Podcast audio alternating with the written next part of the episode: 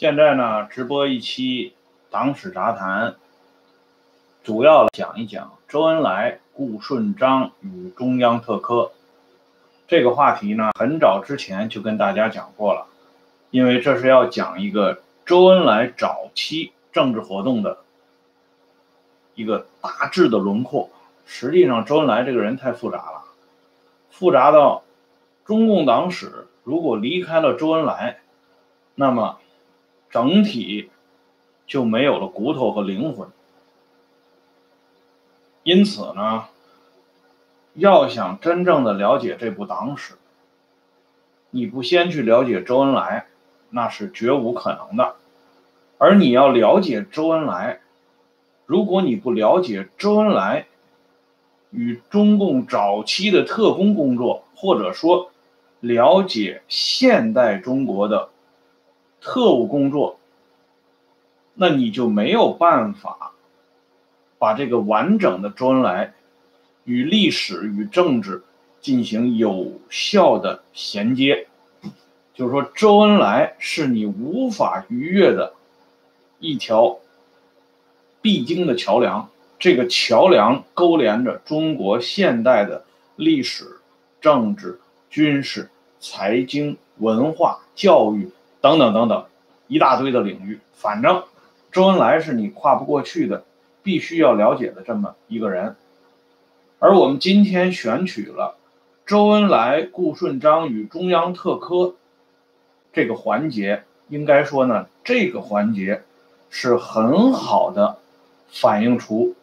周恩来这个人的主要的侧面，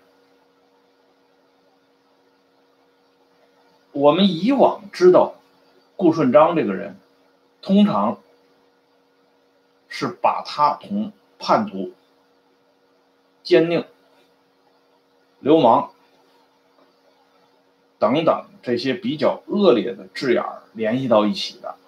这个人实际上成了一个鬼画符。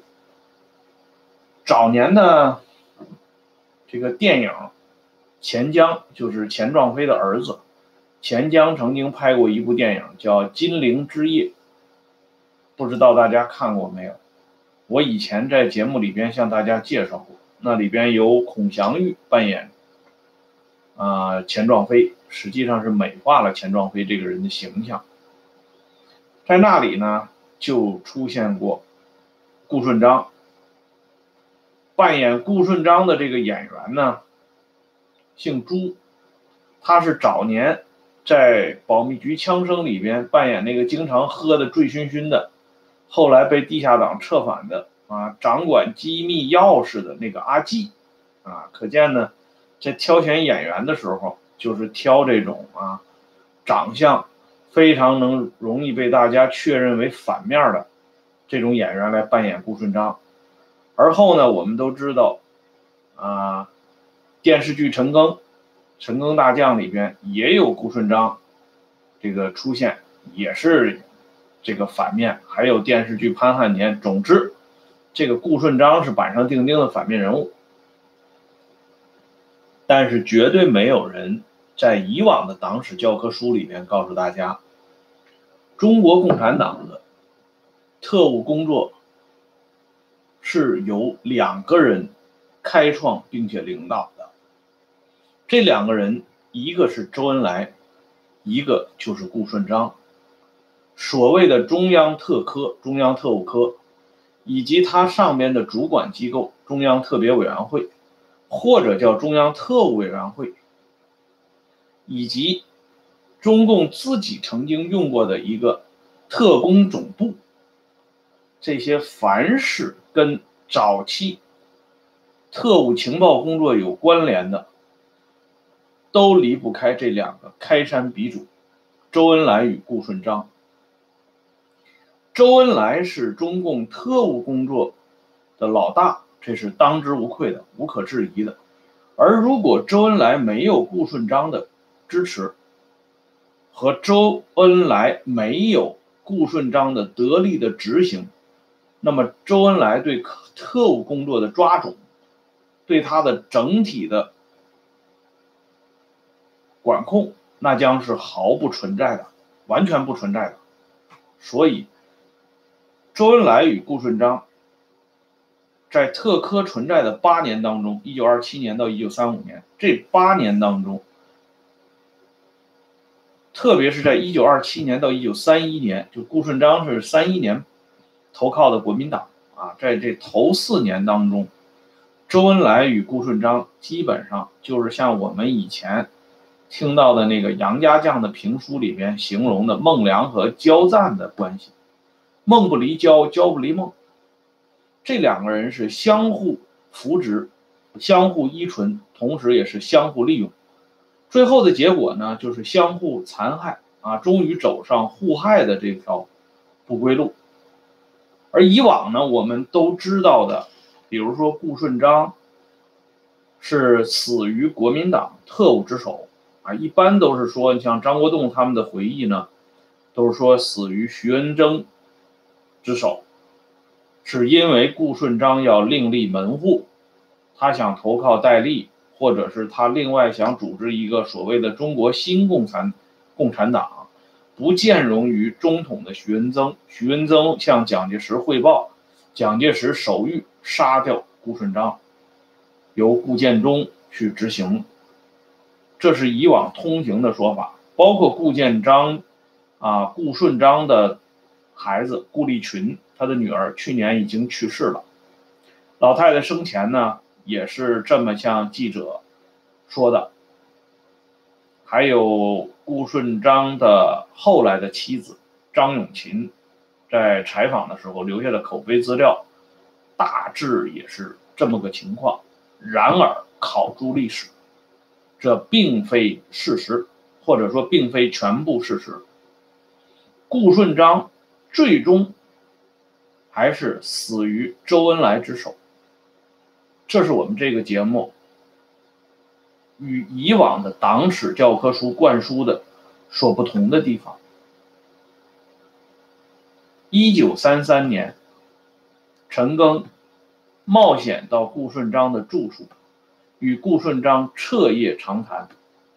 一九三四年，顾顺章就已经被中统列上了黑名单，这难道是偶然的吗？我们前面讲到，周恩来与顾顺章之间的关系。这个关系到什么程度呢？相当亲密。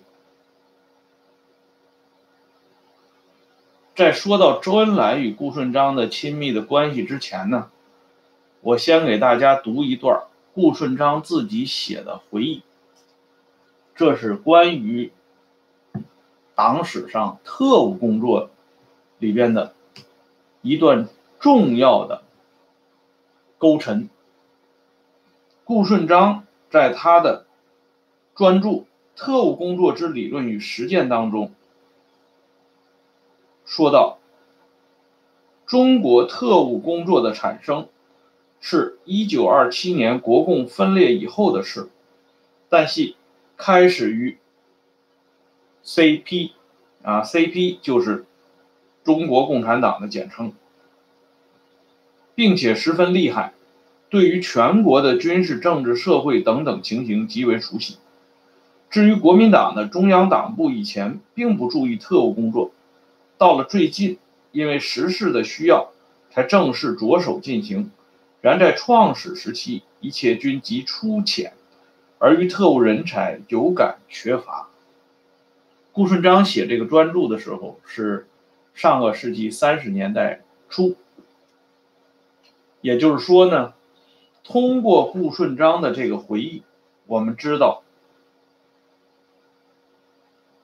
中国共产党的特务工作是先于国民党的特务工作搞起来的。某种意义上讲，国民党的特工工作是向共产党学习的，而且顾顺章在被捕之后，仍旧对当时已经初具规模的国民党。中央执行委员会党务调查科就是中统的前身，表示不屑一顾，所以他在书里边才说，与特务人才有感缺乏。而后来我们注意到，啊，以戴笠的军统为例，军统的几个重要的骨干人物，比如说后来参与杀害杨杰的军统局行动处处长叶祥之，他就是早年参加过中共，是中共党员，后来脱党加入军统，后来啊。退到台湾以后，曾经担任过情治系统的头子的沈之岳，也曾经参加过中共，而且在张国焘手下进行过专门的培训，他认张国焘为老师。还有就是我们都熟知的那个谎话连篇的军统局总务处处长沈坠，他留在大陆最后的军衔是中将。这个沈坠呢，啊，在他的这个若干自述里边，把自己描述成神枪手，啊，这个多方面的啊，多功能的这么一个能力超群的这么一个人物。退一步说，就算沈坠说的这些都是真的，而沈坠的领路人是他的姐夫于月醒，这个于月醒本人。也是出身于中共系统。换句话说，国民党情报系统里最为厉害的军统啊，中统是赶不上军统的。就是军统这个架子，在很大程度上都是由中共阵营过来的人帮助搭起来的。比如说早期的戴笠啊。同这个王天木啊、梁干桥啊这些人啊，曾经有过一个十人团。这十人团当中的梁干桥也是出身于中共。后来明诏一时的啊，军统的电讯处处长魏大明，他也是出身于中共。由此可见，顾顺章在他的这本专著里边说的话。绝非空穴来风，不是谎言。而中共在整个的这个特工工作之所以能够这么卓有建树，啊，这么夷则无限，居然连他的对手都要引进他淘汰出来的人，那全赖周恩来和顾顺章两个人。最早搭的这个架子，这个架构。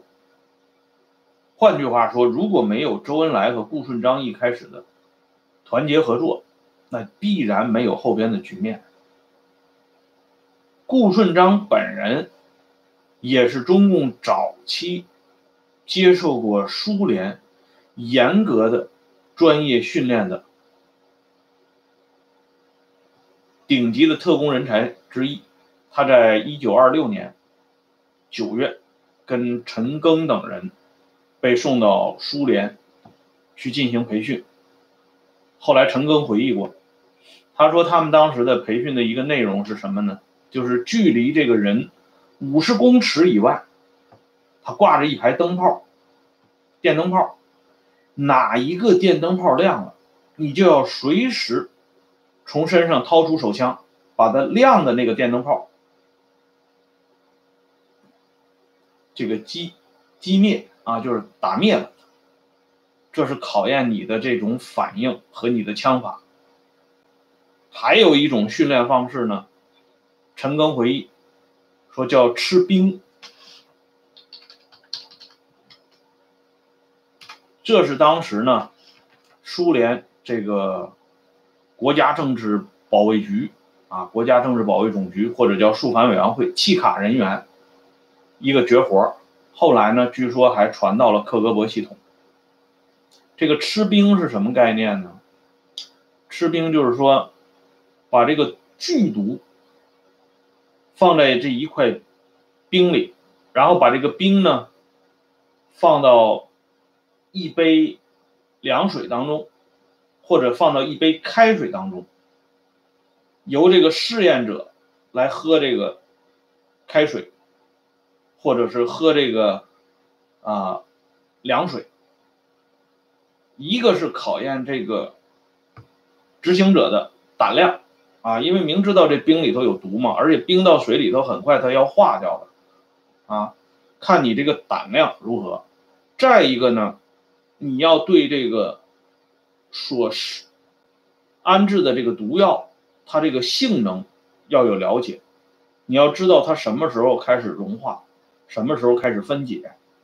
总之，这是一个非常具有啊高含量的这么个技术的东西啊。这个陈庚他们当时呢回忆，他说好多了，还有爆破。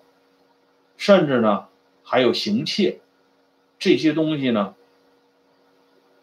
教的都很到位。是二六年九月份开始教，大约呢，整个教了有小半年的时间。到了二七年，他们开始回国，并且呢，逐渐开始部署这些特工工作的基础性的这种活动。就是说，顾顺章这个人，人家是专业人才，所以在电视剧《潘汉年》早年的啊，王华英扮演的那个潘汉年里边，把顾顺章描述的这个人，好像就是变变魔术，啊，打家劫舍，参加个什么流氓聚会。不是说顾顺章没有搞过这些东西，而是呢，这太矮化顾顺章了。顾顺章的本领远不止于此。比如说，他的家属就回忆过，顾顺章这个人的眼睛会说话，这个人眼睛非常有神。他一个眼神出来，他下边的人马上就明白，老大要干什么，或者说老大指派他们要干什么。在这一点上，他跟周恩来是异曲同工。周恩来的眼睛就是炯炯有神，饱含了各种样的含义。甚至说饱含了各种样的指令。你像以往啊，我们看这个《陈庚传》，就是木心他们写的《陈庚传》，说陈庚当年说过一句话，陈庚说呢，如果他们不死的话，一定会看到顾顺章叛变。这是陈庚当时对顾顺章的一个判断。作者之所以用了这段话，旨在告诉大家陈赓当时的判断是多么的敏锐和及时。可是这个时候呢，我们读到这里的时候，会产生一个另外的疑问。当然，你如果长期受到这种党史传统教科书的洗刷，你是不会产生这种疑问的。但是现在呢，我们来说说这个疑问是什么呢？就是说，既然连陈庚这样的人，我们都知道周恩来与陈赓的关系啊，既然连陈赓这样的人都能看到顾顺章已经有了脱离组织管控的痕迹和苗头，那么为什么组织没有对他采取进一步的措施呢？因为我们都知道中共的这个组织本身是非常严密的，纪律是非常严格，甚至是非常严酷的。尤其在秘密工作战线上，稍有风吹草动，那必须是斩草除根，毫不留情。那么，为什么顾顺章留给陈赓这样一个印象的时候，他还能继续停留在党内呢？还继继续掌控着这个秘密工作呢？包括陈养山，我们提到的这个陈养山。号称龙潭三杰的后半生儿啊，前三杰后三杰嘛。陈养山呢是相当于后三杰。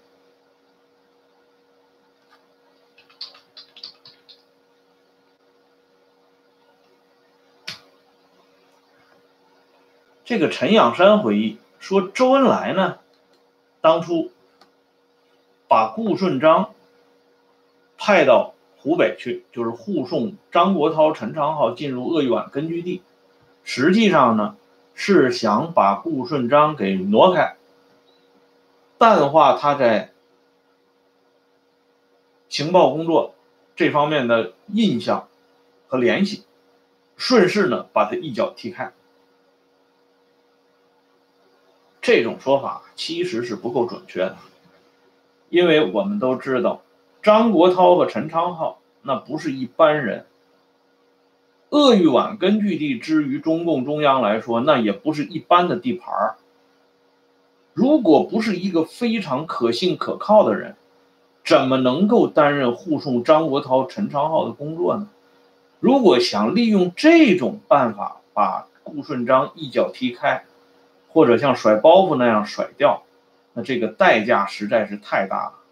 这对于一个一生都相当缜密的周恩来来说，他是轻易不会冒这个险的，所以陈仰山的这个回忆，考诸实际历史情况，实际上是不存在的。这是美化周恩来、丑化顾顺章的一种习惯性的回忆，是站不住脚的。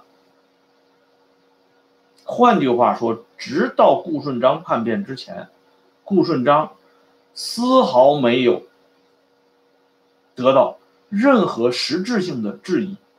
这也就是为什么顾顺章叛变之后，啊，他所谓的叛变之后，中共整个的特情工作被打得措手不及。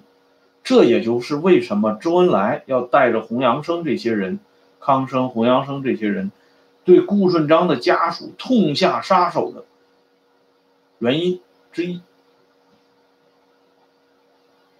顾顺章给中共造成的损失。在当时的情况下是无法估量的。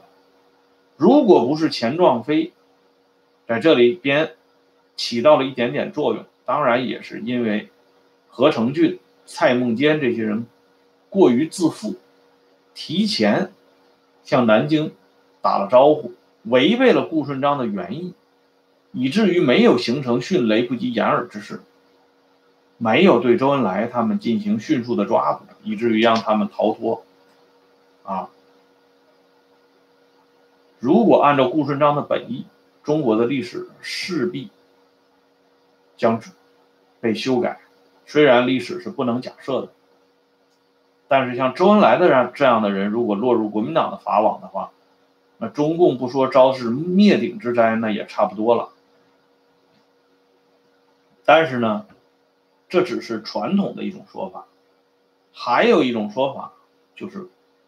顾顺章在向武汉行营侦缉处副处长蔡孟坚交代的过程当中呢，他实际上是留了一手的，也就是说，他在保密方面话说的含糊其辞，以至于让何成俊、蔡孟坚他们误解了顾顺章的原意。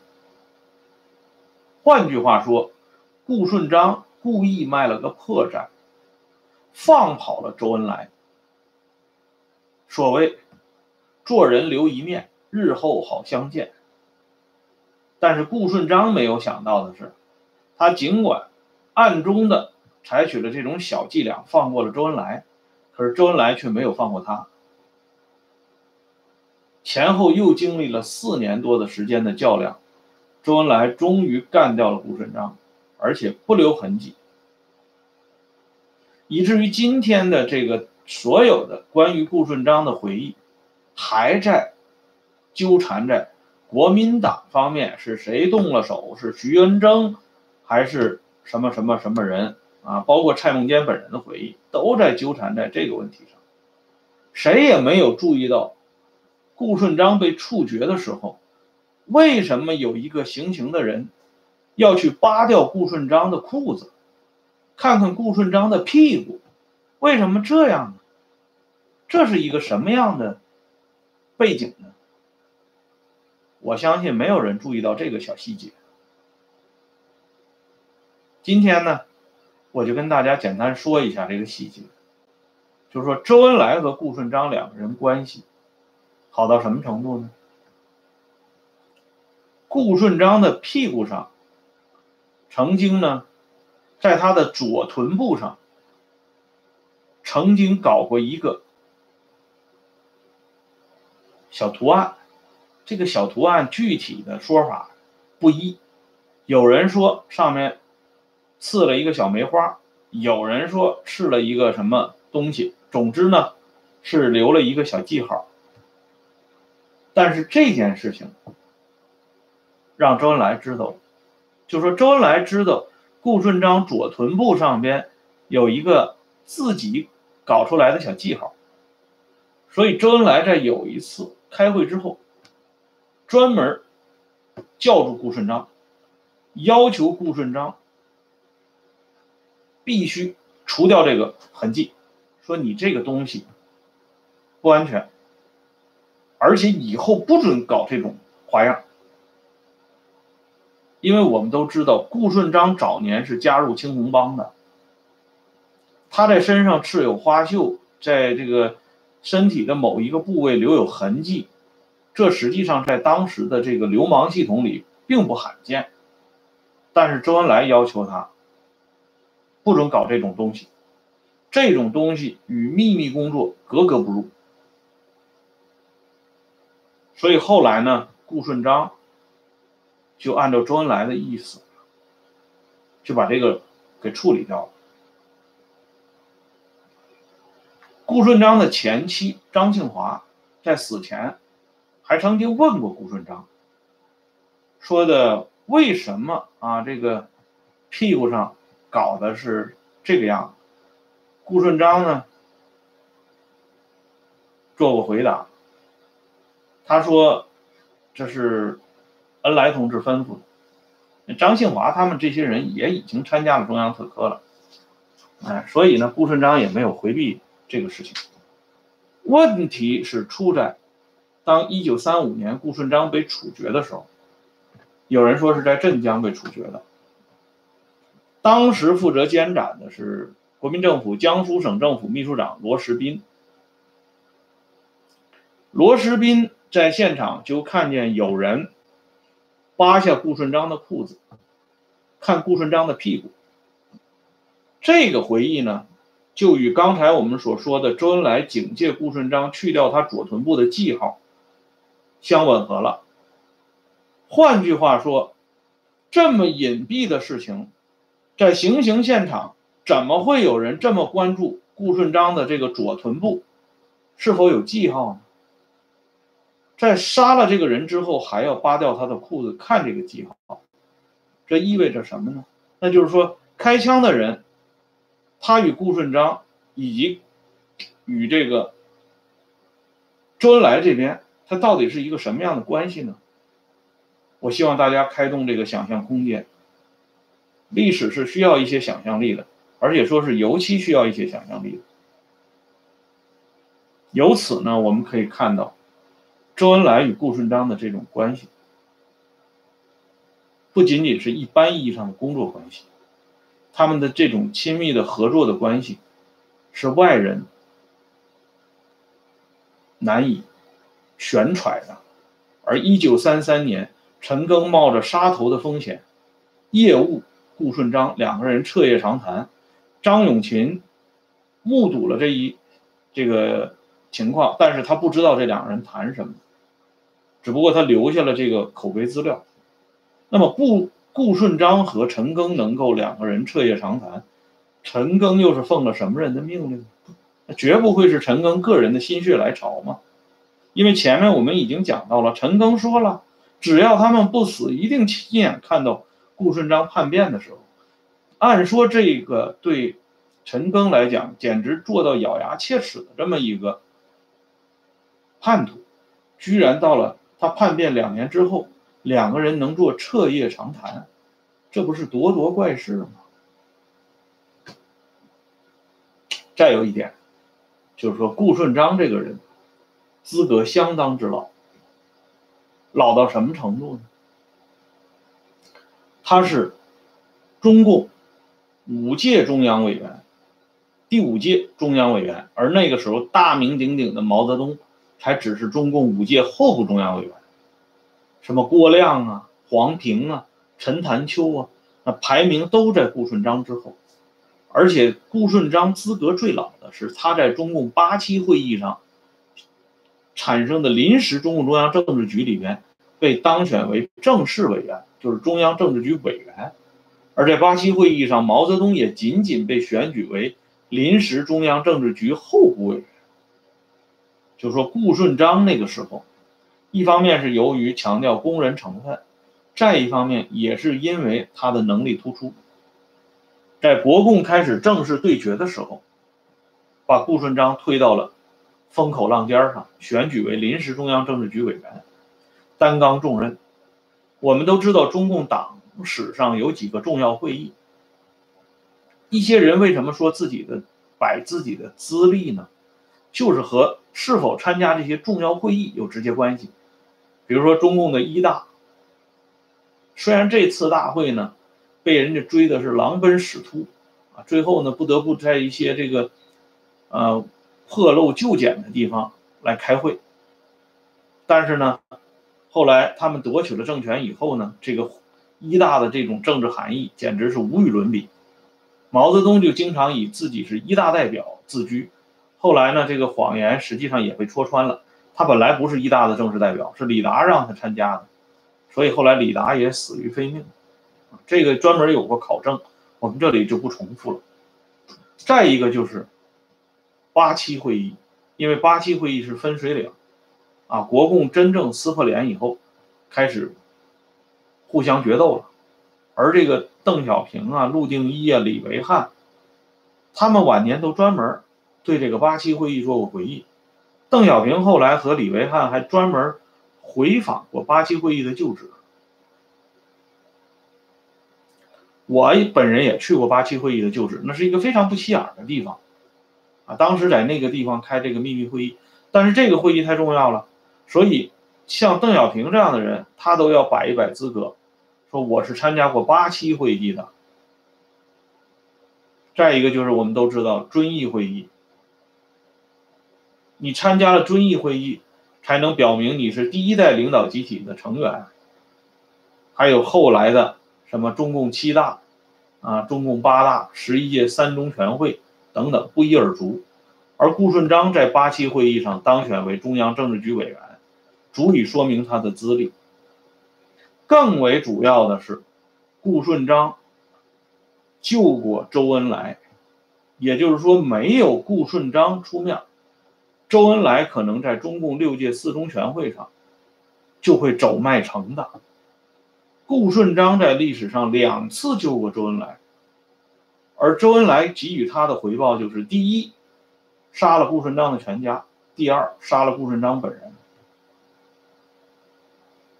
那么，周恩来与顾顺章以及中央特科，他们接下来又是怎么被糅合到一起？又怎么去进行开展工作？又怎么在二三十年代的上海滩让人？